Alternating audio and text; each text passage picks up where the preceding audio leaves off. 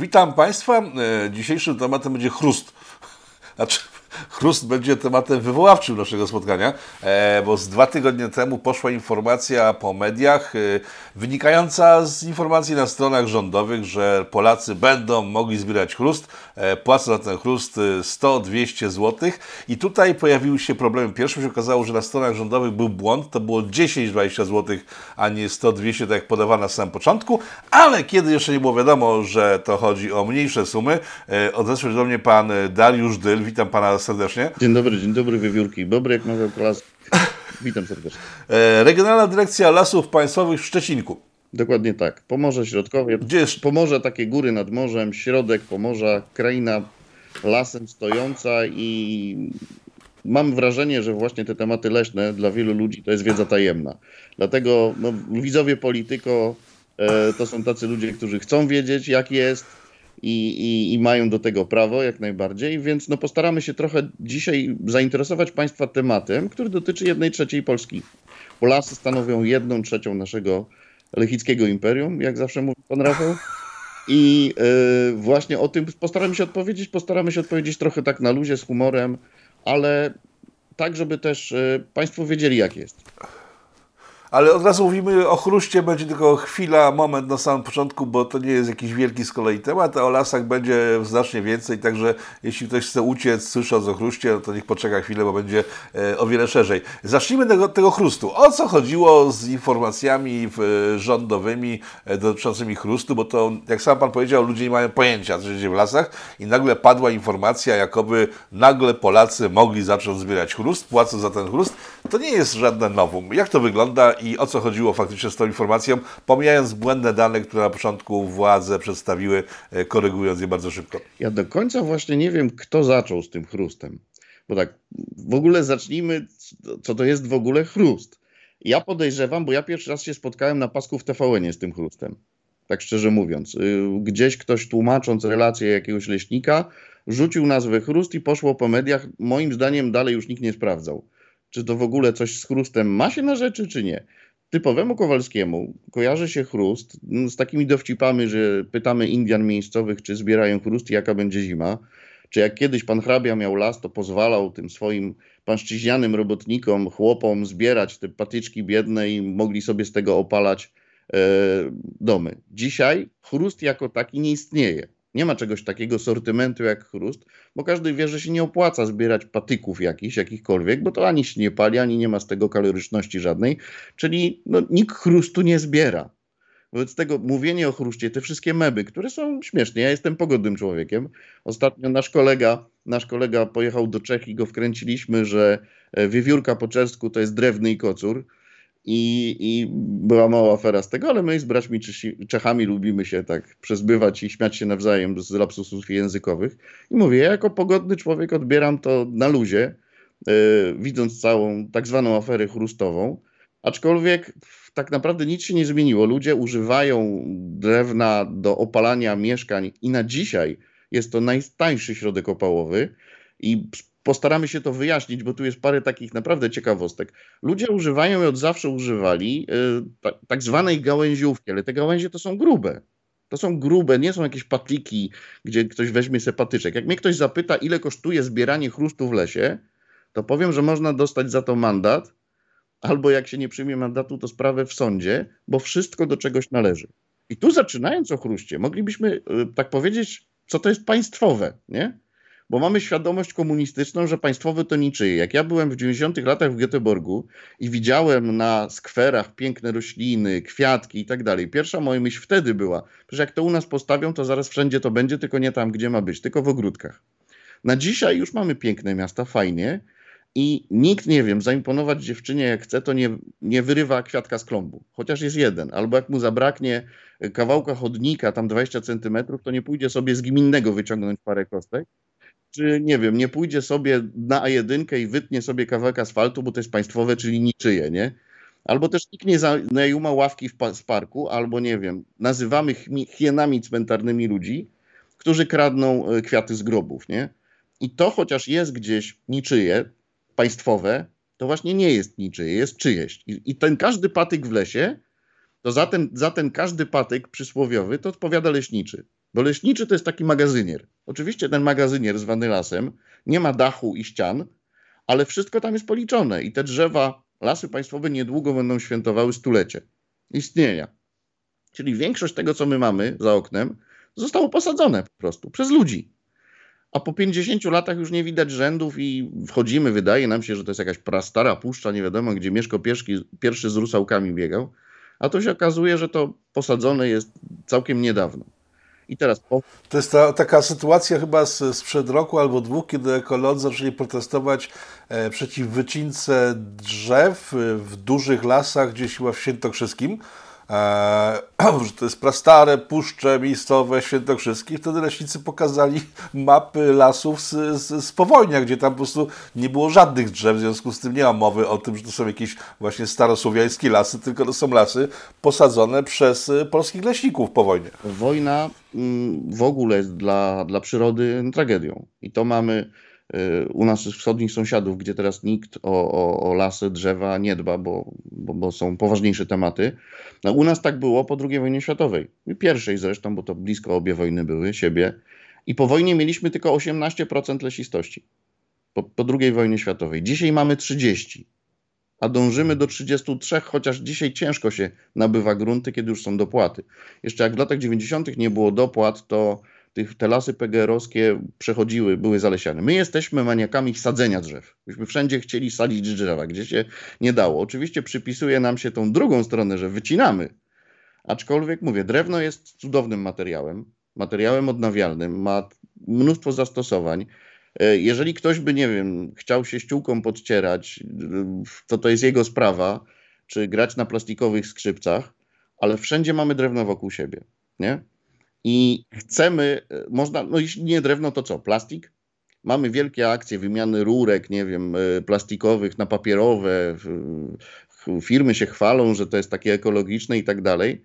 Natomiast zawsze gdzieś w tle chodzi o pieniądze i to, że mamy olbrzymie zasoby, jeśli chodzi o drewno jako państwo. I teraz jak powiesz Polakowi, że u nas coś działa i jest w ogóle fajne, to mówi, e, dzienio, nie, u nas? Jak, nie? Ale u nas właśnie to działa. I teraz tak, od wojny mieliśmy 18% lesistości, teraz mamy 30% i ktoś to gdzieś posadził w większości przypadków. I najlepsze greby dostali rolnicy, a najsłabsze leśnicy. I na piachu urośnie tylko sosna i brzoza, a powiedzmy tam, gdzie było mokro, gdzie były bagna, gdzie też nie udało się tego uprawiać rolniczo, no to mamy lasy takie bukowe, dębowe, bo to związane jest z, yy, po prostu z E, z żyznością gleby i tak dalej, i że każdy gatunek. I sosna, która rośnie 100 lat na piasku, naprawdę ma bo taką średnicę, tam 20 centymetrów i to jest stuletnie drzewo i ktoś popatrzy, mówi jak, gdzie, no niemożliwe, nie? A sosna, która rośnie na lepszej glebie, już ma te, nie wiem, 80 centymetrów nawet na, przy pniu i, i tak dalej. Ludzie używali rasu, wracając powoli za to czy koło do chrustu, Ludzie, mhm. ludzie używali lasu. Każdy, kto mieszka gdzieś przy lesie, wie, że to jest najtańszy materiał. Można sobie podjechać i kupić taki opał. I teraz tak, no w ogóle jako społeczeństwo jesteśmy wygodni. Jak mówi mój kolega, po co się męczyć, jak nie trzeba. I ludzie raczej chcą kupić gotowy opał. Nie? Czyli firma, jakaś zakład usług leśnych, typowy drwal, powiedzmy tak, żeby było prościej, to drewno ściął, ułożył, i, i ono jest przygotowane. I do ceny drewna doliczamy pracę tego drwala, czy tego zakładu usług leśnych, firmy, która przygotowała ten opał. Natomiast jak człowiek chce sobie sam wyrobić, to już ma cenę niżej o tą pracę, którą ale powiedział Pan, że nie może sam wyrobić, bo w, y, zbieranie czegoś w lesie jest karane y, grzywną, tak? Czy to, to jak sobie ma wyrobić te gałęzie, bo rozumiem, że już nie mówimy o chruście czy lopatykach, tylko o gałęziach. Y, idę do lasu i gdzie mam te gałęzie se znaleźć? No właśnie chodzi o to, że nie można se chodzić i tak se tu wezmę, tam wezmę, tak jak tak samo nikt nie ścina, o zetnę se to drzewo albo tamto mi nie pasuje. Wszystko jest na zasadzie planów. I całe to, co my możemy wyciąć, pozyskać, czy z tego lasu wyciągnąć, to to jest cały czas pomierzone i musimy pilnować jednej zasady, że wycinamy mniej niż nam co roku przyrasta, żeby sobie tą bazę drewna, tą, ten zasób drewna na pniu, tak mówi się ładnie, cały czas poszerzać. I odpowiem na to pytanie. E, I teraz, żeby coś legalnie pozyskać, to my jako leśnicy też musimy mieć zgodę różnych instytucji, wcześniej plan zrobić. To się odbywa na zasadzie zamówień publicznych, przetargi, testują nas i kontrolują wszystkie możliwe instytucje na trzy litery. To nie jest takie proste, że leśnicy się wstanie, ma humor, zetnie sobie to drzewo albo tamto drzewo.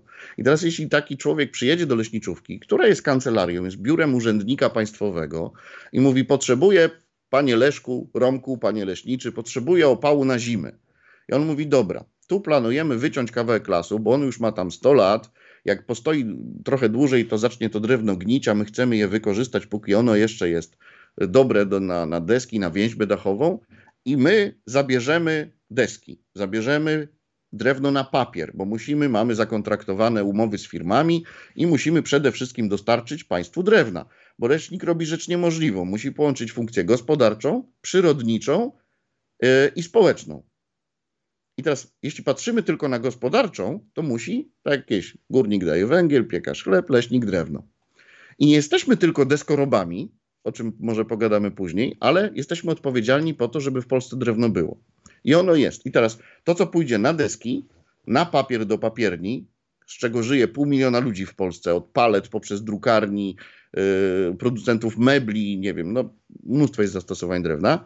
I ten człowiek sobie przychodzi do tego leśniczego i mówi: Dobrze, pojechało na deski, pojechało na papier, zostały jeszcze czuby i gałęzie. I to sobie można wyrobić.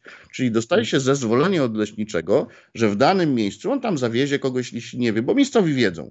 Nawet przychodzą, schodziłem sobie tam po lesie i widziałem, że tam pozostało po, po tym miejscu do wycięcia, czy tam sobie mogę wyrobić opał. I leśniczy mówi, dobrze, tą działkę pan dostaje, proszę złożyć to na takie stosy drewna, ja to przyjadę, pomierzę, zobaczymy ile tam jest grubszego, ile cieńszego.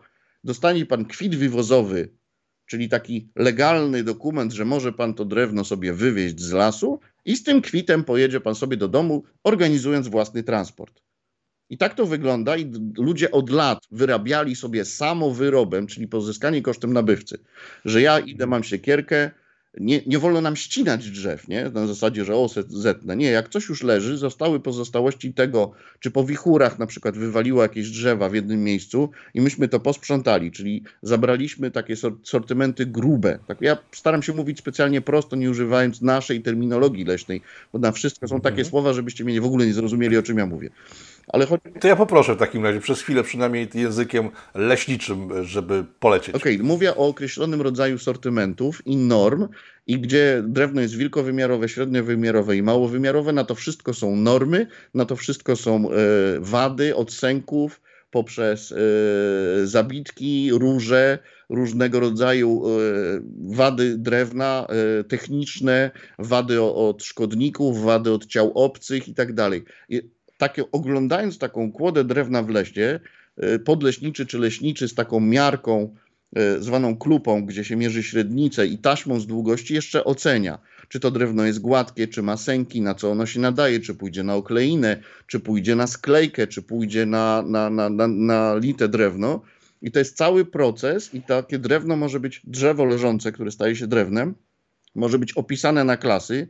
W liściastym co 2,5 metra może mieć inną klasę, in, to inaczej kosztuje. To jest cała nauka i powiedzmy z jeden z dwóch czy trzech przedmiotów w technikach leśnych i wydziałach, którego człowiek się uczy, jak się odbiera drewno, czyli jak się mierzy, jakie metody pomiarów się stosuje, e, jakie normy polskie są, bo to wszystko jest obarczone polską normą, przepisami prawnymi i my jako e, urzędnicy państwowi przede wszystkim musimy przestrzegać prawa. I to jest, o już pójdę w jakąś dygresję, to więc lepiej nie. Naprawdę e, mogę używać słowo typu trzebierze, typu siedlisko, e, ekosystem i tak dalej, gdzie no, będę zrozumiany przez 2% e, społeczeństwa, przecież nie o to chodzi. Co to są trzebierze, bo to jest jedyne, czego nie rozumiem z, tego, z tych słów. Trzebierz to jest taki moment, to jest zabieg pielęgnacyjny, bo jak się sadzi las, to na początku te zabiegi pielęgnacyjne, to zaczynamy od koszenia w ogóle, nie? Bo mogą nam chwasty, nawet te małe sadzonki, bo one są naprawdę niewielkie, sosna jest taka sadzonka. E, najpierw się kosi, potem są czyszczenia, czyli jak się, nie wiem, dosiała brzoza, a my nie chcemy, bo ta brzoza jest gatunkiem czasami mocniejszym i tą sosnę nam tam e, uszkodzi, no, a, a chcemy mieć sosnę tam. E, czy mamy dęba, chociaż dąb sobie tak fajnie rośnie, bo on lubi, jest cieniolubny i mówi się, że dąb ma być w kożuchu bez czapki. Czyli ma sobie rosnąć w otoczeniu, ale na górze nic mu tam go ma nie przykrywać. I takie zabiegi pielęgnacyjne, bo to się prowadzi tą uprawę. Przez 100-150 lat od posadzenia do, do wycięcia, co, co 10 lat trzeba tam wejść, tak co 10 lat minimum. I zobaczyć, czy się coś złego nie dzieje. Czy jakieś grzyby nie zaatakowały, czy jakieś owady nie zaatakowały, czy właśnie ten skład siedliska, czyli tego miejsca, jest zgodny z tym, co zaplanowaliśmy, jest zgodny z bioróżnorodnością, bo chcemy mieć lasy różne i wprowadzamy coraz więcej liściastych domieszek i tak dalej. I cały czas to trzeba e, pielęgnować. Dochodzimy do momentu zwarcia, że robi się z tego młodnik, czyli sadzonka przy już się zaczyna dotykać gałęziami, to oznacza, że jest zwarcie. Wtedy mamy czyszczenia, usuwamy drzewa chore, jakieś takie podgłuchy, jakieś takie, z drugiej strony takie, co za bardzo przerastają też, no ale to różne są. Yy, potem dochodzimy do momentu, gdzie się yy, też dba o to, żeby uzyskać jak najładniejsze drzewa.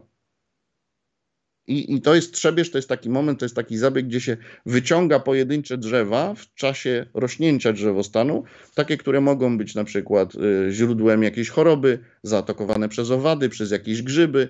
Metoda jest stara, ale działająca. Jeśli zaczyna się jakaś choroba, trzeba usunąć to, to drzewo, które może potem od, od niego mogą się zarazić następne. Nie?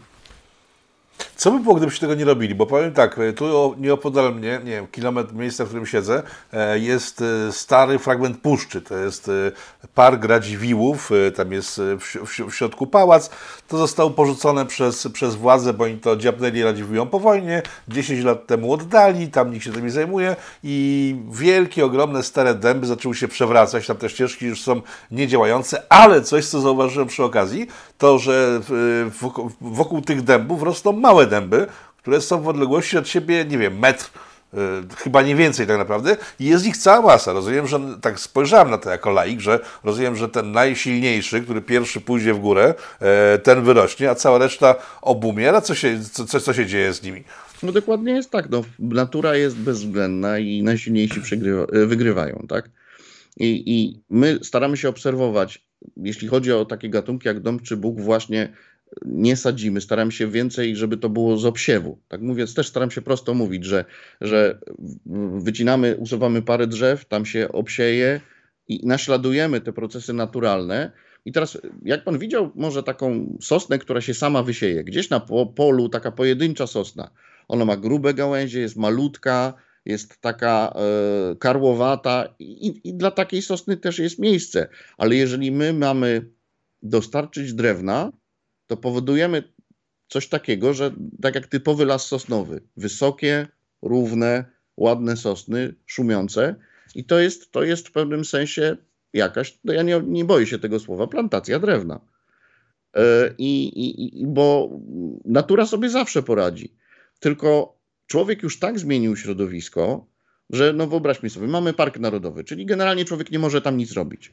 I mamy taką sytuację, jak mieliśmy w Rytlu, że 20 minut powiał wiatr i leży wszystko po horyzont. Czyli oznaczałoby to, że zostawiamy. Przyroda ma sobie sama poradzić i nie wiem, przez 50, 100 lat, 200 ona sobie będzie się odbudowywać i będzie to taki las dla nas zupełnie yy, bardzo trudny, żeby tam w ogóle wejść, bo będą leżeć drzewa, kłody, E, możemy zapomnieć, że sobie pójdziemy tam na grzyby i tak dalej, bo jeśli jest to rezerwat czy park, no to wolno się poruszać tylko po wyznaczonych ścieżkach. I mamy taki ciemny, gęsty las i ja, owszem, jestem za tym, żebyśmy mieli jak najwięcej parków narodowych, żebyśmy wyłączali, i leśnicy to robią, gdziekolwiek jest woda, 80% form ochrony przyrody jest na terenie lasów państwowych. Staramy się wyłączać z użytkowania te najcenniejsze miejsca. Na każdym wyciętym zrębie 5% zostaje i tam nic nie będziemy robić. Patrzymy sobie najciekawsze miejsce, a tu rośnie jakiś jałowiec, tu jest jakieś drzewo z dziuplą, czy coś takiego. Zostawiamy sobie taką kępę drzewostanu i ona sobie zostaje. Czyli z jednej strony myślimy nad tym, żeby dostarczyć gospodarczo drewna, a o tym jeszcze nie powiedzieliśmy o najważniejszej rzeczy z tym związanej, a z drugiej strony myślimy o przyrodniczych takich rzeczach, co tu jest ciekawego, co zostawić pokoleniom, bo musimy, dostaliśmy las od naszych poprzedników i musimy zadbać tak, żeby było co zostawić dla następnych pokoleń. A teraz tak, Polska jest trzecim producentem, albo czwartym, zależy jak liczyć, e, mebli i produktów z drewna. Na świecie, nie w Europie, na świecie. E, I oczywiście mamy wojnę gospodarczą. I to też gdzieś trzeba mieć w tle, tak jak nasze firmy transportowe opanowały rynek unijny i wymyślono ustawę, która no, tak ustawiła stawki za pracę, że wyłączyła nasze firmy w wielu miejscach z jazdy, ponieważ niby mamy wolność gospodarczą i możemy robić, jesteśmy wszyscy równi na poziomie Unii, ale no doskonale pan o tym często mówi, jak to w praktyce wygląda i jak nasze, jak pan to powtarza, wspaniałe Imperium Lechickie wychodzi, wychodzi właśnie czasami na tym. Jak mieliśmy kiedyś cukrownię, teraz nie mamy, jak mieliśmy kiedyś stocznie i teraz nie mamy i jak My nie możemy mieć kopalni, a w Niemczech kopalnie mogą sobie być. I bardzo często jest tak też z lasami i z drewnem. My mamy potężny zasób, mamy lasów coraz więcej i są coraz starsze. E, I chcemy pilnować. To jest praca, gdzie poświęciło życie mnóstwo ludzi. No, ktoś, kto jest codziennie w lesie, to jest jego las, on go pielęgnuje od posadzenia, zna go każdy krzak, każdy kamień w tym lesie. I teraz tak, lasy są dostępne. Nie ma tak jak na zachodzie, że zbierze pan e, ileś grzybów, a powyżej tego jest limit i kara. Każdy może sobie zbierać grzyby, jagody, chodzić, jeździć rowerem, yy, tym, co im narty kradną. Nordic walking, yy, nie wiem, yy, koniarze, spacerowicze, las jest otwarty. Nie wolno do lasu wjeżdżać samochodem. To jest też ciekawostka, bo nie musi być wcale znaku zakazu. I to też mało kto o tym wie. O tym się dowiedziałem dwa dni temu, tutaj w Zegrzu, wjeżdżając y, na teren leśny, tam gdzie jest ten był ośrodek y, zajmowany przez Rosjan. W sensie on jest ciągle zajmowany tak naprawdę.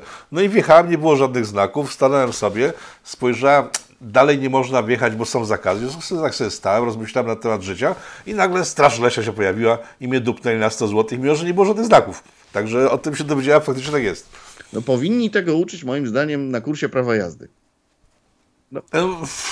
Na kursie jazdy nie uczą jeżdżenia autostradami, także nie spodziewałem się zbyt wiele. No. Ale faktycznie zdziwi, zdziwiłem się, że, że taki przepis istnieje. To jest trochę podobnie, ale teraz powiem, dlaczego on taki jest i skąd wynika logika tego przepisu. Bo to jest logiczne wbrew pozorom. E, jak, no oczywiście, jak ktoś dostanie mandat, to jest zły i żadna argumentacja, argumentacja do niego nie dociera, zanim się nie uspokoi, oczywiście. E, mamy coś takiego. Nie mamy e, znaków, które ograniczają na drodze E, poruszanie się powyżej 90 km. Bo to wszyscy wiedzą. Ograniczenia są odstępstwem od reguły, nie? że gdzieś jest 40-50. Więc prościej jest wprowadzić w całych lasach zakaz wjazdu pojazdem mechanicznym, żeby nie trzeba było wszędzie stawiać znaków. Bo niech pan sobie wyobrazi, że każde skrzyżowanie znosi znak. To w lesie mielibyśmy las znaków. Skrzyżowanie, znak, skrzyżowanie, znak, znak, znak i byśmy mieli kupę metalu w lesie. Oczywiście te znaki by ginęły, kto komuś by nie przeszkadzał, to by sobie taki znak do domu zabrał, e, zniszczyłby go, twierdząc, że tam żadnego znaku nie było. Byłoby komu, ja po co? Mamy jedną prostą zasadę. Do lasu nie wolno wjeżdżać samochodem. Wyjątki stanowią tylko służby do tego uprawnione, od karetki poprzez pracowników, poprzez różnego rodzaju, nie wiem, policja i tak dalej. Wolno wjechać tylko w miejsce wyznaczone. Oczywiście warto się dowiedzieć, jak gdzieś się jest. E, I tutaj też ja zawsze e, wkurzam się, jeśli to nie jest porządnie zrobione, bo jak są takie kontrowersyjne miejsca, gdzieś asfalt przebiega przez las i nie wiemy, czy to jest droga do miejscowości, jakie to są drogi publiczne, warto jak się gdzieś jedzie, zapytać u źródła. Czyli zadzwonić sobie do nadleśnictwa, uzyskać jakąś mapę, czy w gminie, które drogi są publiczne, które nie. Najczęściej te publiczne są oznaczone że to jest droga do miejscowości yy, i, i tak dalej. I też jest inaczej, jeżeli, yy, no bo chciałbym powiedzieć jednoznacznie, ale no zawsze się trafi jakiś, jakiś oszołom, nie? Że nie ma tak, że ktoś zjedzie na siku i zaraz mandat dostanie, nie? No, no bo no, no nie tak powinniśmy, nie tak powinniśmy, ja swoją drogą kilka lat też w Straży Leśnej pracowałem, więc więc dla mnie e, ja tym ludziom służę, bo, bo, oni mnie zatrudniają jako, jako urzędnika państwowego. Więc ja przede wszystkim powinienem e, nie wiem, jak on się zgubi w lesie, to mu powiedzieć, e, jak ma z tego lasu wyjechać, wytłumaczyć, dlaczego nie wolno psa puszczać sobie luzem, o tak, żeby biegał, bo pani, gdzie ten pies ma się wybiegać? A ja mówię, to z jednej chroni strony artykuł 166 o zakazie wypuszczania psa luzem psa do lasu, chroni z jednej strony mamy e, powiedzmy dzikie zwierzę, taką sarnę, z którą pies by chciał się pobawić I, I może on nie ma jakichś złych zamiarów, ale każdy pies ma instynkt gonienia i może takie zwierzę zamęczyć. Z drugiej strony ten sam przepis chroni psa, ponieważ jeżeli spotka się z dzikiem albo z wilkiem, których w, w Polsce jest coraz więcej, no to wilk usunie tego psa jako konkurenta psowatego na swoim terenie, a dzik jest zwierzęciem, no takim powiedzmy, który też sobie nie życzy, żeby ktoś mu przeszkadzał. I ja za dużo widziałem psów, e, naprawdę poranionych przez, przez e, dzikie zwierzęta, żeby sobie ryzykować. Spotkałem kiedyś panią właśnie z, tak, z Warszawy, chociaż to nie musiało być wcale z Warszawy, ale która sobie z takim dużym rabladorem, jeszcze w ciąży, z wózeczkiem poszła do lasu, tak jak do parku u siebie, gdzie mówię, proszę pani, tutaj często sobie leżą dziki, tutaj byłem wczoraj z ekipą telewizyjną, w lesie robiliśmy program, nagle żubry nam wyszły. Bo proszę państwa, na Pomorzu też są żubry, nie tylko w Białowieży. I sobie przyszły zupełnie nie przejmując się, wcale się nas nie bojąc, przyszły zaciekawione, a co to tam takie ludzie w zielonych mundurkach robią w lesie, nie? I przyszły, podeszły na 15 metrów, popatrzyły i poszły sobie. Więc musimy mieć świadomość, że w naszych lasach wbrew pozorom wcale nie mało, żyje też dzikich zwierząt. I te wszystkie przepisy, które są, są zawsze po coś. Można się opowiadać głupie prawo. Tylko to prawo zawsze czemuś, do czegoś świadczy. I teraz nie chcemy mieć korków w mieście. My jesteśmy tak wygodni, że jakby się dało, to byśmy, nie wiem, do, do łazienki samochodem jeździli, jakby się dało. Wobec tego każdy chce podjechać jak, naj, jak najbliżej. Oczywiście mamy przepis, że osoba niepełnosprawna mo, może, się, e, może wjechać do lasu, e, zaparkować w jakimś miejscu wyznaczonym. Staramy się robić jak najwięcej parkingów takich gdzieś na brzegu te, tego lasu. Oczywiście to wszystko kosztuje i zawsze, jeśli jest parking, to zaraz się pojawia problem ze śmieciami. Bo są ludzie normalni, którzy wrzucą do kosza ten, ten śmieć, a, a, a są tacy, że, że wrzucą sobie gdzie bądź. I, i, i potem jeszcze e, no, z każdym takim miejscem wzrasta nam ilość śmieci, które sprzątamy, ale no to jest jakiś kompromis, nie? Tych parkingów, e, oczywiście my od budżetu państwa nie dostajemy jako lasy państwowe ani grosza. To jest... No bo sami na siebie zarabiacie. Dokładnie. To, to ciężkie pieniądze, które są wam wypominane. Mamy tą wąską mhm. pulę drewna do wycięcia na dany rok. Dlaczego mówisz, że ona jest wąska? To jest naprawdę dużo. Bo my jako firma mamy 8 miliardów obrotu. To jest sporo pieniędzy. To jest sporo pieniędzy, ale lasów jest, bo to jest cały czas, miejmy z tyłu głowy, że to jest jedna trzecia Polski. Tych lasów jest tyle, że to jest rząd wielkości. My obracamy Y, tego jest bardzo dużo, jeśli chodzi o zasoby. Natomiast relatywnie na tyle, ile mamy lasów, dostajemy dość wąską pulę, żeby utrzymywać też nisko cenę drewna. I teraz też jest taki zarzut, że do Chin sprzedajemy, co to jest bzdurą totalną, ale i nie my akurat. Y, ale też do tego się odniosę. Ale musimy trzymać tą cenę i zapewnić dostawę drewna na rynek. Przemysł drzewny chciałby trzy razy tyle. Nie? bo to jest zarobek. Natomiast my nie możemy, musimy cały czas pilnować tej, tej, tej, tej ilości. I teraz każde prawo, jakie jest związane właśnie e, z wjazdem, niewjazdem do lasu, co wolno w lesie robić, czego nie wolno w lesie robić, czy wolno ten chrust zbierać, który będzie krążył sobie wokół naszej rozmowy, czy nie. Oczywiście, jak ktoś weźmie patyk z lasu i spotyka go strażnik leśny, oczywiście strażnikami też są różni ludzie. W każdej formacji zdarzy się jakiś osioł za przeproszeniem, za którego się potem trzeba tłumaczyć. Ale y, normalnie jak ktoś weźmie sepatyk, to człowiek taki logicznie myślący nie będzie go za to karał. Jest w systemie kar, i to policjanci wiedzą, i wiedzą to strażnicy leśni, artykuł 41 kodeksu wykroczeń, i to jest pouczenie. I to jest też forma kary. Ja zawsze wychodzę z założenia, że edukacja jest lepsza niż represji.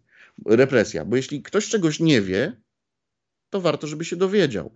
Więc jeśli ja rozmawiam z człowiekiem w lesie i tak jakbym ja pana spotkał wtedy, byśmy sobie porozmawiali i nie wiem, nie stanął pan na środku drogi, także nikt inny nie może przejechać, bo to często gęsto też jest jakaś jedyna droga w góry na przykład i jakiś pan sobie staje na środku drogi i ma w pompie zupełnej, że tam, nie wiem, nic, nikt inny nie przejedzie na przykład, nie? Czy zostawia samochód w suchej trawie, gdzie od katalizatora może się rozgrzanego zapalić las. No jeżeli ktoś sobie staje i mówi, no ale ja nie wiedziałem, że tu nie wolno wjeżdżać, to jak ludzie mówią, nie było żadnego znaku.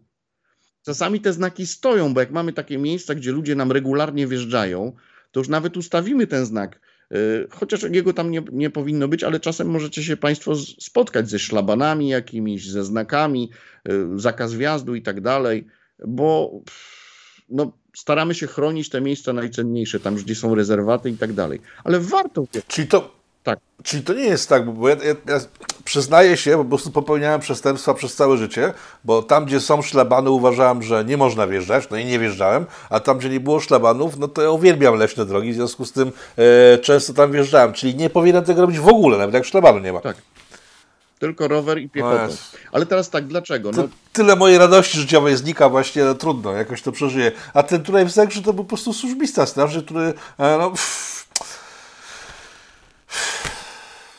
no miał radość z tego, że wystawia mandaty po prostu. Był obwieszony jakimiś latarkami, sprzętami. Widać było, że po prostu taki, taki facet, który, który, który potrzebuje w blichtru e, z bycia strażnikiem. Ale ja znam mnóstwo strażników i ten był akurat jakimś e, ewenementem, w związku z tym myślę, że nie musimy się e, przy nim zatrzymywać. Wróćmy do tego chrustu i skończmy z nim wreszcie. Czyli to nie jest tak, że państwo nagle pozwoliło ludziom łazić po lesie, zbierać gałęzie i później nie wiadomo gdzie płacić, bo to jest też pytanie, które stawiają myszczuchy, no ale gdzie mam zapłacić? Przecież w lesie nie ma tych, nie ma y, żadnych, nie wiem, miejsc, w których można to opłacać. Rozumiem, trzeba pójść do leśnika.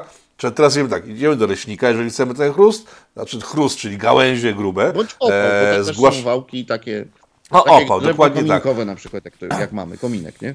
A, no, mnie osobiście zdziwiła ta cena, bo tak jak mówię, bo ja na, jak tylko gruchnęła ta wieś, poszedłem na stronę, teraz nie pamiętam, lasów czy ministerstwa i tam było 100-200 zł. Spojrzałem, ej, tyle to ja płaciłem tutaj dawna za dąb, który dos, był dostarczany normalnie, to jest jakieś gałęzie, więc się zdziwiłem. Wiem już, że to była pomyłka na stronach, e, na stronach rządowych, ale skąd się biorą ceny w, w tego, tego chrustu, gałęzi i tak dalej, i tak dalej, bo e, rozmawialiśmy wcześniej i Pan powiedział coś, o czym też wcześniej wiedziałem, że istnieją metry sześcienne i metry przestrzenne. O. E, I metry przestrzenne obowiązują w lesie. Co to są metry przestrzenne? Bo myślę, że też sporo widzów nie ma pojęcia, że istnieją e, metry przestrzenne obok sześciennych. To jest bardzo dobra informacja warto to wiedzieć, ponieważ e, dla naszej wygody często kupujemy drewno od handlarzy, którzy przyjeżdżają, taki mamy na przyczepie nałożony, narzucony pryzmę drewna i mówią, że nam to jest ileś metrów.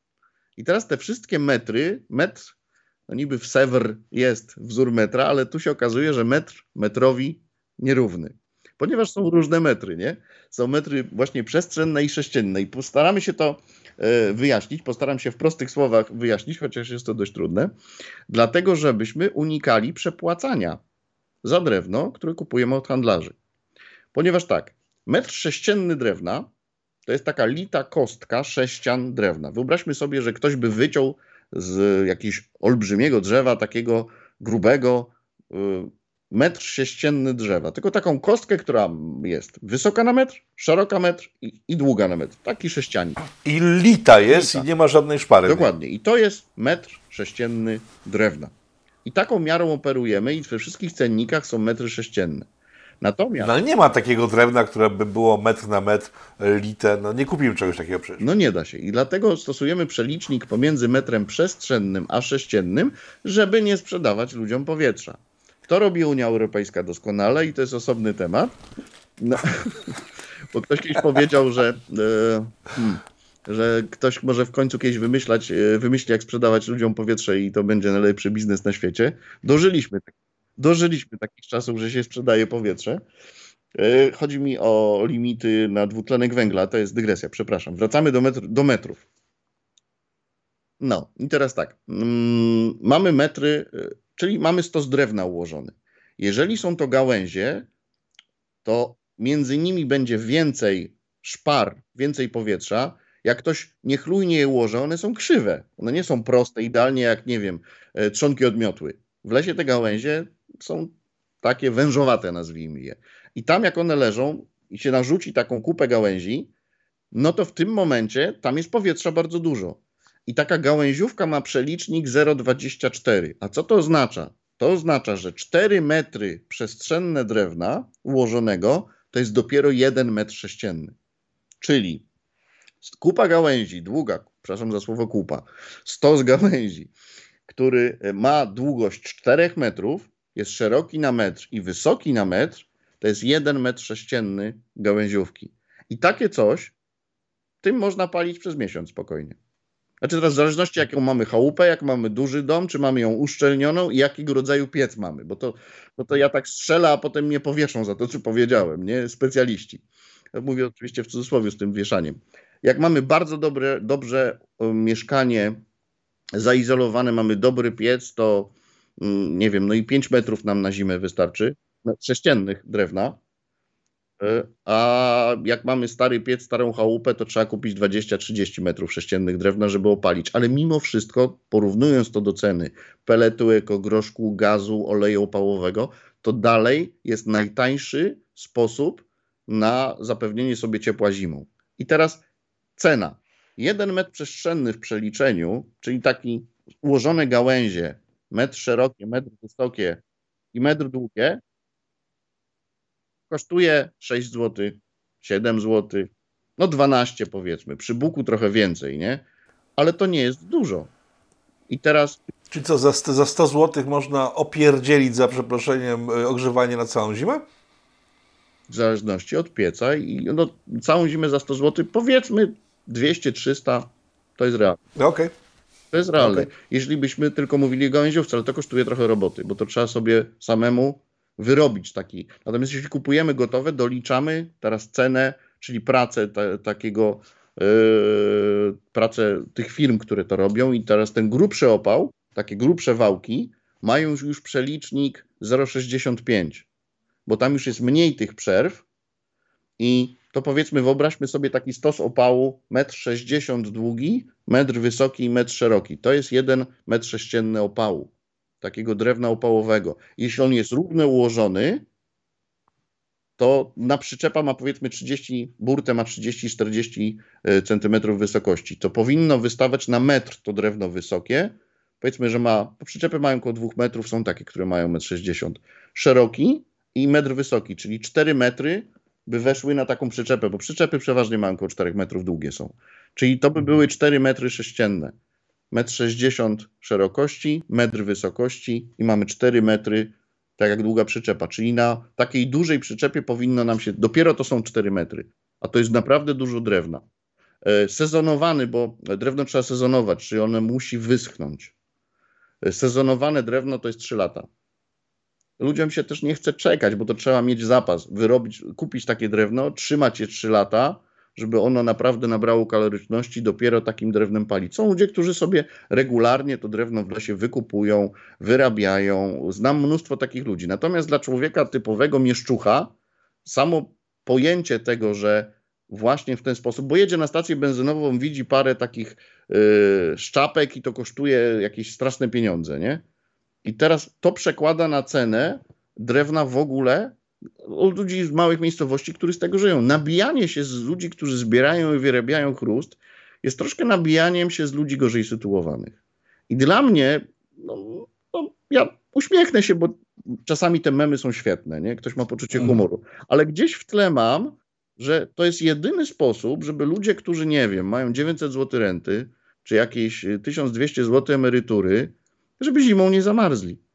I cała afera, która się wzięła znikąd, polega na tym, że jedynie o co chodziło ministrowi e, czy, czy Ministerstwu Środowiska i Klimatu, chodzi o to, abyśmy jako leśnicy w, porozumie, w porozumieniu z miejscowymi mopsami, z, z samorządami, zbadali skalę, ile tego będzie, bo spodziewał, spodzie, spodziewamy się przy tych skokach cen, że ludzie zaczną liczyć, zobaczą ile to drewno kosztuje i zwrócą się do nas, bo nie będzie ich stać.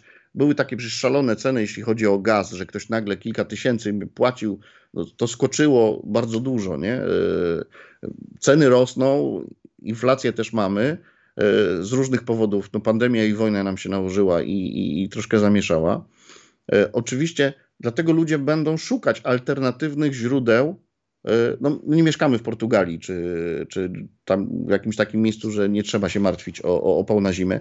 Na szczęście te zimy są ostatnio trochę słabsze, ale wiemy, że klimat się zmienia. E, z jakichś powodów kiedyś w Zielonogórskim można było wino produkować, teraz nie wolno. Kiedyś było cieplej, teraz jest zimniej. W czasie II wojny światowej zimy były takie surowe. Ja pamiętam w latach 70 1 listopada, jak się jechało na święto zmarłych, to tata mnie wiózł na sankach. Był, na, był mróz. Na smę, na, Za, zawsze był mróz, to prawda. I ta zima może wrócić. Więc dzisiaj rozmawiamy, kiedy mamy takie zimy y, słabsze, może nie jest to tak kluczowy y, dla wielu ludzi, ale no, każdy chce mieć ciepło zimą.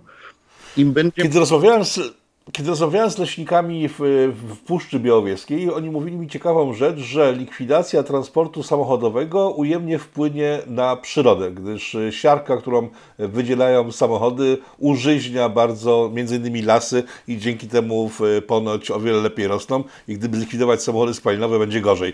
Nazwę to ekosystem nasz, czyli takie naczynia połączone. To, to, co jest wokół nas, wszystko jest z czymś związane. Można się zachowywać tak jak w Chinach nie? kiedy Mao Tse-tung stwierdził, że wszyscy Chińczycy mają wróble połapać, bo wróble wyjadają ryż. No jak wyłapali wróble, no to się okazało, że mieli plagę potem różnych owadów, którymi te wróble się e, e, żywią. E, mamy, nie wiem, plagę e, w Australii różnych, różnych zwierząt, które zostały nam zawleczone i zupełnie zniszczyły miejscowy ekosystem. U nas norka amerykańska, która została sprowadzona, ta, która uciekła e, z hodowli, doskonale się u nas czuje i mówiąc, wyeliminowała naszą rodzimą norkę e, i też kaczki zresztą, bo teraz kaczki możemy spotkać tylko w dużych miastach, tam gdzie jest dużo ludzi, natomiast e, norka wyżarła totalnie, oczywiście nie jednego roku, ale, ale to było kilka lat, lęgi. I to są wszystko naczynia połączone. I teraz możemy powiedzieć, bo Unia próbuje wprowadzić tak zwany zielony ład czyli chcą wyłączyć, e, no różnie się to liczy, od 10 do 30% e, lasów jako parki narodowe. I teraz e, to wszystko jest połączone. Lasy płacą podatki za grunt, ludzie mają pracę. Proste pytanie, czy nas na to stać jako kraj, że sobie zrobić firma, która funkcjonuje, gdzie jesteśmy właśnie, tak jak mówiłem, trzecim czy czwartym producentem produktów z drewna, czy stać nas jako państwo, żeby sobie wyłączyć te 30%. I teraz tam nie można chodzić na grzyby, zostawimy to, niech przyroda sobie tam rządzi, ale jak przyjdzie powódź, przyjdzie wichura, to to nie będzie ładny, piękny las, który będzie sobie rósł, tylko przyroda będzie musiała sobie sama o tym zadbać. I teraz część ludzi straci pracę, y, będą mniejsze wpływy do budżetu. Y, takie gmeranie odgórne gdzieś tam, tak jak tu podał przykład pan y, tego, tych środków transportu, czasami może się odbić echem w miejscu, w którym byśmy się nie spodziewali. Coś funkcjonuje od lat i jest to e, coś dobrego, natomiast ktoś ma jakiś pomysł, tak mówię, ten Mao z, z wróblami i nagle rozwala cały doskonale działający mechanizm. Proszę Państwa, dużo ludzi wyjechało do dużych miast. Oczywiście nam się tak demografia skupia według dużych miast, natomiast ci z nas, którzy mieszkają na tak zwanej prowincji, bardzo często żyją właśnie z przemysłu i z drewna bo można być, nie wiem, lekarzem, nauczycielem, pracować w usługach, ale jedną trzecią Polski zajmuje się tylko 26 tysięcy leśników. Nas nie jest dużo. Jedną trzecią Polski zajmuje się tylko, tylko 26 tysięcy leśników. Oczywiście mówią, a tam was jest dużo, jeszcze zarabiacie nie wiadomo jakie pieniądze. Oczywiście jak chce się kogoś wkurzyć, to się zaraz podaje jakiś przykład e, z górnej półki, e, ile kto nie zarabia, nie? jeśli stosując jeszcze średnie. A jak ja idę na spacer z psem, to mam średnio trzy nogi, nie? Jak pan Rafał lubi mielone, a ja kapustę, to średnio jemy gołąbki. No i, e, i, i, i te, te, średnie takie podawane no są krzywdzące niesamowicie, bo się zaraz liczy brutto nie wiadomo ile. Kończąc technikum leśne 5 lat, studia inżynierskie, dość e, naprawdę specjalistycznie, człowiek przychodzący do lasu dostaje na rękę, nie wiem, 3,5 tysiąca, 3 to nie są jakieś, e, no, nie jest to zła pensja, nie? Ale, ale też nie są to jakieś pieniądze jakieś podawane, bo chodzą jakieś, nie wiem, zarabiają 11, 17 tysięcy, kto da więcej, nie?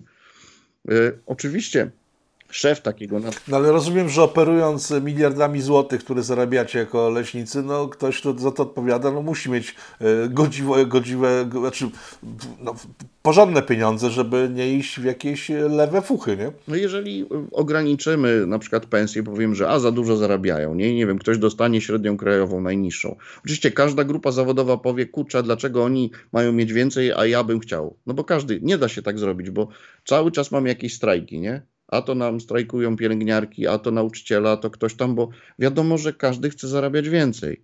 I, i, i, i teraz też jeśli ktoś ma jest magazynierem w magazynie, tak jak pan to do, do bardzo dobrze zauważył, i ma dobro jakieś, to powinien zarabiać przynajmniej na takim poziomie, żeby nie musiał, nie wiem, dorabiać po południu i żeby jakoś się utrzymać do pierwszego, bo będzie go kusiło, żeby skorzystać z tego, czym się zajmuje. I są ludzie uczciwi, a są różni ludzie.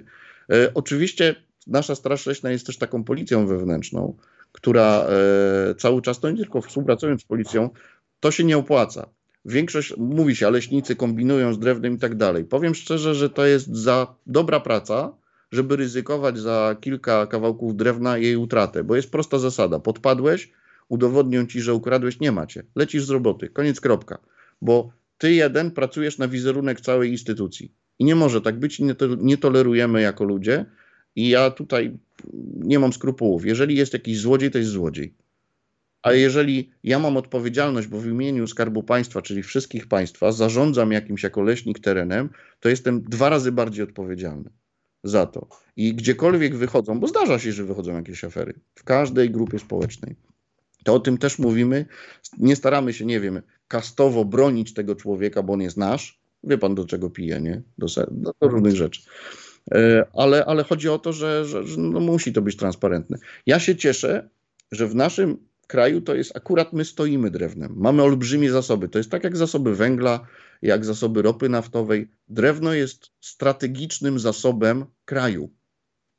I o tym musimy mówić, że jak mamy wpływy z zewnątrz, gdzie chcą nam ograniczyć możliwości, a ja nie chciałbym, żeby mm, naszą firmę ktoś rozwalił. Tak jak polskie e, koleje państwowe, powstało 30 spółek, i tak naprawdę to kiedyś mieliśmy wspaniały transport, co 20 minut był pociąg. Możemy rozmawiać, czy teraz to jest potrzebne, czy nie, ale była fajna firma działająca i przez to, że powstało ileś tam spółek, to się rozwaliło. Nasza firma istnieje tylko dlatego, że jest duża, że w tych miejscach, gdzie na przykład był jakiś pożar olbrzymi, bo las się pali moment, a jak się zaczynają palić olejki eteryczne, czyli ten ogień dochodzi do góry i się zaczynają palić ta żywica, to wszystko, to ogień idzie 200 na godzinę. To, to jest jak, po, jak, jak, jakby się gaz zapalił. I teraz cały czas ludzie siedzą 24 godziny na dobę. Mamy swoje samoloty jako jedna, nie wiem, z niewielu firm w ogóle na świecie, helikoptery, ludzi na dyżurach. Współpracujemy ze strażakami, pilnujemy cały czas, żeby ten las się nie podpalił. I teraz ludzie siedzą, cały czas tego pilnują, i ważne jest to, żeby e, nie przesadzić, żeby e, nie próbować gmerać w, ty, w tym ze śrubokrętem, żeby coś poprawić, po, ponieważ jest dużo terenów w lesie, do który, w lasach, do których trzeba dokładać. I teraz w tych miejscach, gdzie mamy dużo lasów i gdzie ta produkcja się opłaca, to z, z tych pieniędzy wrzucamy do jednego worka i, i płacimy za te miejsca, które są deficytowe, gdzie była powódź, gdzie była wichura, gdzie to wszystko poprzewracało, a gdzie trzeba to posadzić, bo jest jedna zasada. Jeżeli gdziekolwiek jest wycięty las, to góra rok, dwa, do pięciu lat maksymalnie, jak jest duża klęska, to wszystko musi być posadzone. I to jest za coś, bo sadzonki kosztują. To nie jest tak obstryk, budżet da. Nie da, bo z tego, co dostajemy, jeszcze raz powiem, do wycięcia, my musimy opłacić swoich pracowników, opłacić firmy zewnętrzne, które pracują w lesie, budować ścieżki edukacyjne, y, trasy rowerowe, y, parkingi i tak dalej. Całą tą rolę społeczną infrastrukturę turystyczną, która jest. I ktoś mówi, a leśnicy zniszczyli ścieżkę jakąś e, rowerową. No dobra, ale kto ją zrobił? No leśnicy, tą ścieżkę. Czyli zniszczyli jakiś kawałek czegoś, co wcześniej zrobili. Tam, nie wiem, 30 kilometry, kilometrów e, ścieżki zrobili, ale gdzieś komuś przeszkadza, bo w tym momencie akurat było, było wycinane, wycinany kawałek lasu i na, nie wiem, iluś metrach jest zniszczona. Dobra, to się naprawi. Owszem, nie od razu, tak jak, o, zniszczyli drogę w lesie. Owszem, przejechał ciężki sprzęt, część się wyrówna i się wypłaszczy, a, a, a na remont drogi trzeba zrobić przetarg. Yy, yy, według zamówień publicznych musi się znaleźć kontrahent, trzeba zrobić zapytanie ofertowe. I nie jest to tak od razu, że nie wiem, zaraz to się zrobi. Ludzie myślący muszą wiedzieć, że, że to jest gałęź gospodarki, że, że jako, jako Polska akurat przodujemy w tym i bardzo dobrze, że coś działa i coś się kręci że ludzie mają też pracę i nie tylko mówię o leśnikach, bo nas jest tylko 26 tysięcy, a pół miliona ludzi tym kraju ma za to pracę. I od mebla, nie wiem, poprzez, tak jak mówiłem, drukarnie, y, papier mamy, no książki, no, wokół nas jest drewno, które jest ciepłe, miłe, y, krzesło, stół, no wszystko jest z drewna, nie? I teraz jeszcze ważna rzecz, bardzo. Rosnący drzewostan, drzewa pochłaniają dwutlenek węgla. Najlepiej i najmocniej pochłaniają go taki powiedzmy drzewostan, który ma około 60 lat. Im on jest starszy potem, jak zaczynają się te drzewa rozkładać i tak dalej, oddają ten dwutlenek do atmosfery. I jak mamy, nie wiem, skrzynię z litego drewna, z grobowca faraona, które mają 3000 lat, to tam jest skumulowany dwutlenek węgla. I to jest trochę perpetuum mobile, bo się sadzi e, drzewa, one dorastają, wycinamy jakąś część. Jeżeli mamy lite drewno, to to lite drewno magazynuje dwutlenek węgla. I to jest właściwie metoda na uratowanie naszą planetę, bo cały czas mówimy o globalnym ociepleniu, o emisji dwutlenku węgla, a mało kto mówi wprost, że w drewnie drewno, drzewa pobierają e, do procesów e, swoich e, dwutlenek węgla i magazynowany on jest w drewnie. My próbujemy pokazywać na przykład, ile tutaj, jakąś kłodę drewna, ile, ile tutaj zostało zmagazynowane. No. I ludzie, którzy się nie, nie wiedzą, nie rozumieją tego, nawet potrafią to obśmiać. No ha, ha, ha. No już, mhm. od razu. Ale to jest dla naszego bezpieczeństwa i dla planety istotne. Dlatego ja podkreślam, że jesteśmy maniakami sadzenia drzew. Jeśli, dlatego mamy też możliwość pierwokupu gruntów. Staramy się odkupować jako, jako firma. Bo teraz też nie powiedzieliśmy o jednej rzeczy. Wszystkie lasy, jakie w Polsce mamy, 77% to są lasy państwowe, 23% to są lasy prywatne. I taka jest mniej więcej struktura własności. Więc jaka jest między nimi różnica? O parę lat temu był głośny pomysł y, prywatyzacji wszystkich lasów w Polsce. E, czym się różnią lasy państwowe od lasów prywatnych? Znaczy wiemy, że formą własności, tak? Ale jeżeli chodzi o użytkowanie, czy ten pomysł, żeby wszystkie lasy sprywatyzować e, był rozsądny, czy znaczy pewnie usłyszę, że nie, bo przecież jest to przedstawicielem firmy, której zależy, żeby, żeby to było państwowe, e, ale czym mogłoby się skończyć sprywatyzowanie lasów? E, podam prosty przykład, bo są kraje, gdzie zrobiono tak, że część właśnie lasów została sprywatyzowana. Na zysk z lasu trzeba czekać powiedzmy, jak drzewa posadzisz, mówię, staram się cały czas prosto mówić. Proszę mi wybaczyć specjaliści, że mówię prostym językiem, ale ja chcę być zrozumiany, a nie pokazać, że coś wiem i umiem. E, posadzimy drzewa i dopiero powiedzmy, nie wiem, no 20, 30, 40 lat, a wycinamy sosnę jak ma 100, to zysk z tego jest dopiero po 100 latach. Wielu ludziom, którzy wykupili sobie takie, takie działki, chcieli mieć pieniądze od razu, czyli wycię, wycięli. I często dostali z lasem, wycięli, a potem to ziemię sprzedali. Często było tak przy takich y, procesach prywatyzacyjnych w innych państwach. I teraz tak, co daje, że mam prywatny las? E, wczoraj rozmawiałem z człowiekiem, który powiedział, że jego ojciec chce sprzedać kawałek lasu, który, który, który mają, ponieważ nie radzą sobie z kradzieżą drewna. Ma prywatny las, a różni ludzie z okolicy po prostu mu go wycinają. I mówi, nie doczekam, kiedy mi ten las urośnie, bo mi go wytną. Nie? To jest jeden argument. Dwa, las będzie ogrodzony i zamknięty. Jeżeli to jest las prywatny, to to jest, przepraszam, moja działka, moja ziemia. I nie życzę sobie, żeby jakikolwiek Kowalski mi po tych lasach chodził. Wobec tego nie będziemy mieli dostępności do grzybów, jagód, do spacerów po lesie, bo teren prywatny, wstęp zbroniony, dwa Rottweilery, koniec. Prosta rzecz. Póki lasy są państwowe. No, pa, państwo też potrafi zamknąć lasy dla spacerowiczów. Przypomnę e, sytuację sprzed dwóch lat, ale bo, żartuję, bo to była inna sytuacja. Ja też i mnie pytano autentycznie wtedy dziennikarze, bo ja się mediami zajmuję, takie mam stanowisko, e, ile e, mandatów wystawiliśmy za e, wtedy, jak był zakaz. To ja powiedziałem, że zero. Dlatego, że czyn wejścia do lasu tego typu nie kwalifikuje się na postępowanie mandatowe udzielaliśmy pouczeń tylko, że no nie wolno. Ale no, nikt nikogo nie karał, no bo to nie jest ta skala, nazwijmy to przestępstwa, wykroczenia. No, no nie.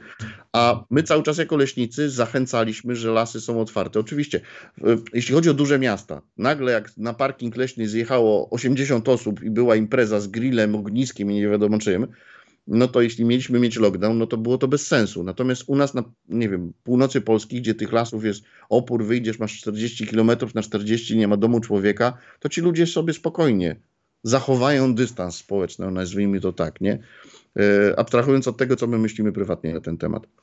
Las jest właśnie tym miejscem, gdzie ludzi powinniśmy zapraszać. Dlatego tak skoczyła cena drewna, bo po pandemii każdy chce mieć wiatkę, każdy chce sobie zbudować coś. Jak ludzi zamknięto w domach, to nagle do, dotarła do świadomości myśl, nie, ja coś muszę pokombinować, kupić sobie jakąś działkę, jakąś, y, gdzieś jakąś możliwość mieć wyjazdu, y, jakiś domek letniskowy, cokolwiek, nie? I nagle jest popyt na drewno, bo z czego się takie rzeczy buduje? Wiatki, szopki, y, no co, z plastiku, z paneli jakichś plastikowych? No można, ale jak to wygląda?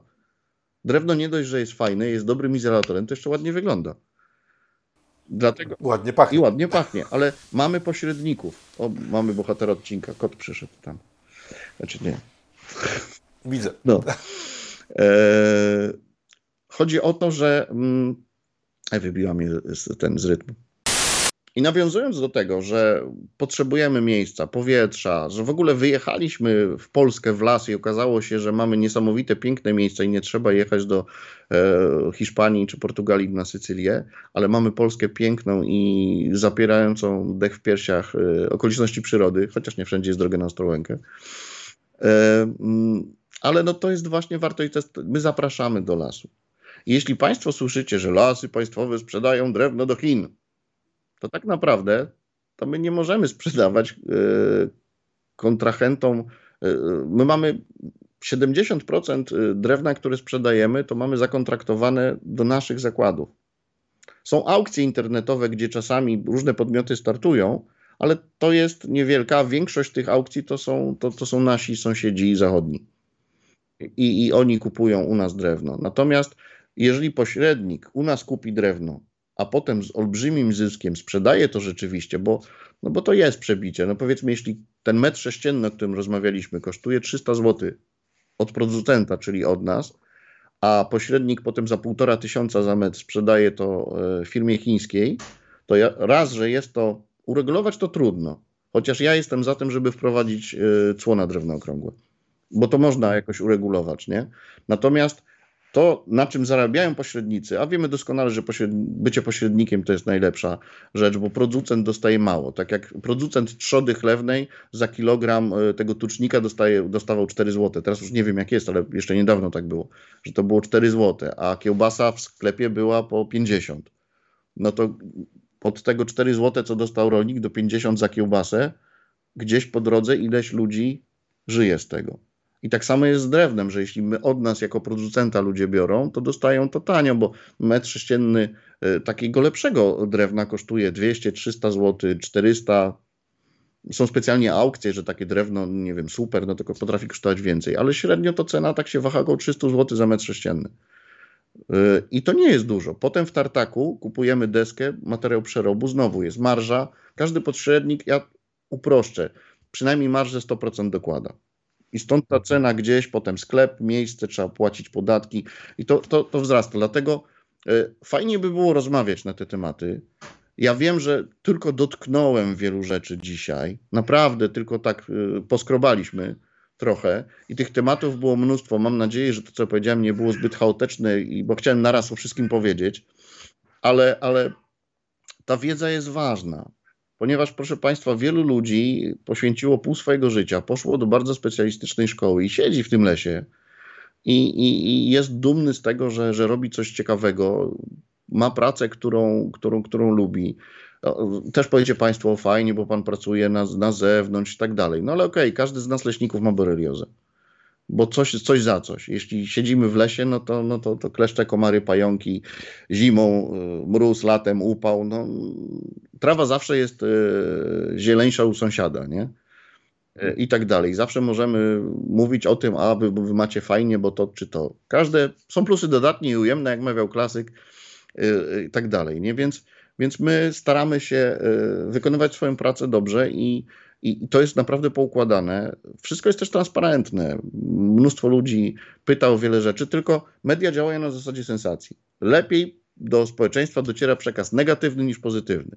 Bo jeśli mamy y, newsa jakiegoś, że ktoś coś zmalował, ukradł, coś zrobił, wierzymy od razu. A jeśli mówimy, że coś dobre, że działa, to jesteśmy, tak, to jest propaganda. Bo jak mówienie o dobrych wiadomościach się nie sprawdza, dlatego pan Rafał mówi o złych wiadomościach, bo złe wiadomości się sprzedają. Ja dzisiaj się ubrałem też w białą koszulę, ponieważ są ludzie, którzy wyznaczają trendy i są, którzy naśladują. Można być nie tylko opiniotwórczym, ale i ubraniotwórczym. Dlatego No i na koniec, i na koniec zostanę influencerką modową.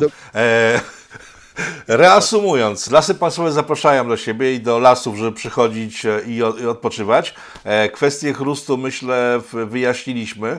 E, pom, pomyłka na początku z ceną e, spowodowała histerię, e, ale też potwierdził Pan, że chodzi o ludzi ubogich, których uderza kryzys i oni faktycznie mogą potrzebować tego chrustu i wycenienie tego chrustu było potrzebne. Dowiedzieliśmy się więcej, jak funkcjonują lasy państwowe. I teraz tak, jeżeli Państwo macie jakiekolwiek pytania związane z leśnictwem, z lasami, to proszę o umieszczenie w komentarzach pod tym materiałem, to my się w, ponownie z Panem Dariuszem spotkamy i już na konkretne pytania e, odpowiemy. Możemy tak się umówić? Oczywiście, ja też zachęcam do mojego kanału Niesie po lesie na YouTubie, w którym mam, jeśli chodzi o podcasty, poradniki, no nie mam za dużo czasu na niego, ale staram się w jakiś taki przystępny sposób o tym lesie opowiadać. Wrzucam filmy z drona, bo proszę Państwa, jeśli ja podniosę dron, bo każdy z Was może to zrobić, ponad linię drzew i widzicie las po horyzont, w każdą stronę, gdzie niegdzie gdzieś jest coś wycięte, to dopiero Wam się otwiera głowa, kurczę, tych lasów jest naprawdę dużo. Oczywiście część wycinają, żeby dostarczyć nam drewna, ale jak sobie ja popatrzę na to, jak to wygląda, to tak, o, też ciekawostka. Las jest wycinany pod wiatr. Wiatry mamy zachodnie. I działki, które są wycinane, są tak schodkowo. Wyrośnie 4-5 lat, następny pas, następny pas, następny pas. I na przykład jak jedziemy nad morze, to z lewej, dobrze mówię, z lewej strony drogi będziemy mieli ostatnią działkę wyciętą przy drodze. I, i będziemy mieli odwrotną. Wszystko, wszystko ma swoją zasadę. Zachęcam na przykład zobaczyć mój poradnik, jak się nie zgubić w lesie. Że taki słupek z cyframi, jak się znajdzie w lesie i się go poda, rewelacja. Ale to trzeba wiedzieć i wiedzieć, gdzie zapytać. E, Kanał polecam także, gdyż po obejrzeniu jego znowu sobie fruwać dronem e, i polecam w ogóle oglądanie lasów z góry, bo wtedy widać, gdzie są zdrowe drzewa, gdzie był kornik drukarz, e, gdzie go nie było, gdzie wiał wiatr, gdzie był pożar. I to jest naprawdę fascynująca e, możliwość zobaczenia e, świata z innej przestrzeni. Także zapraszam na kanał e, pana Dariusza. Panie Dariuszu, dziękuję za dzisiejsze spotkanie. Tak jak powiedziałem, jeżeli tylko widzowie będą mieli taką potrzebę i ochotę, e, spotkamy się ponownie w, w polityko.tv.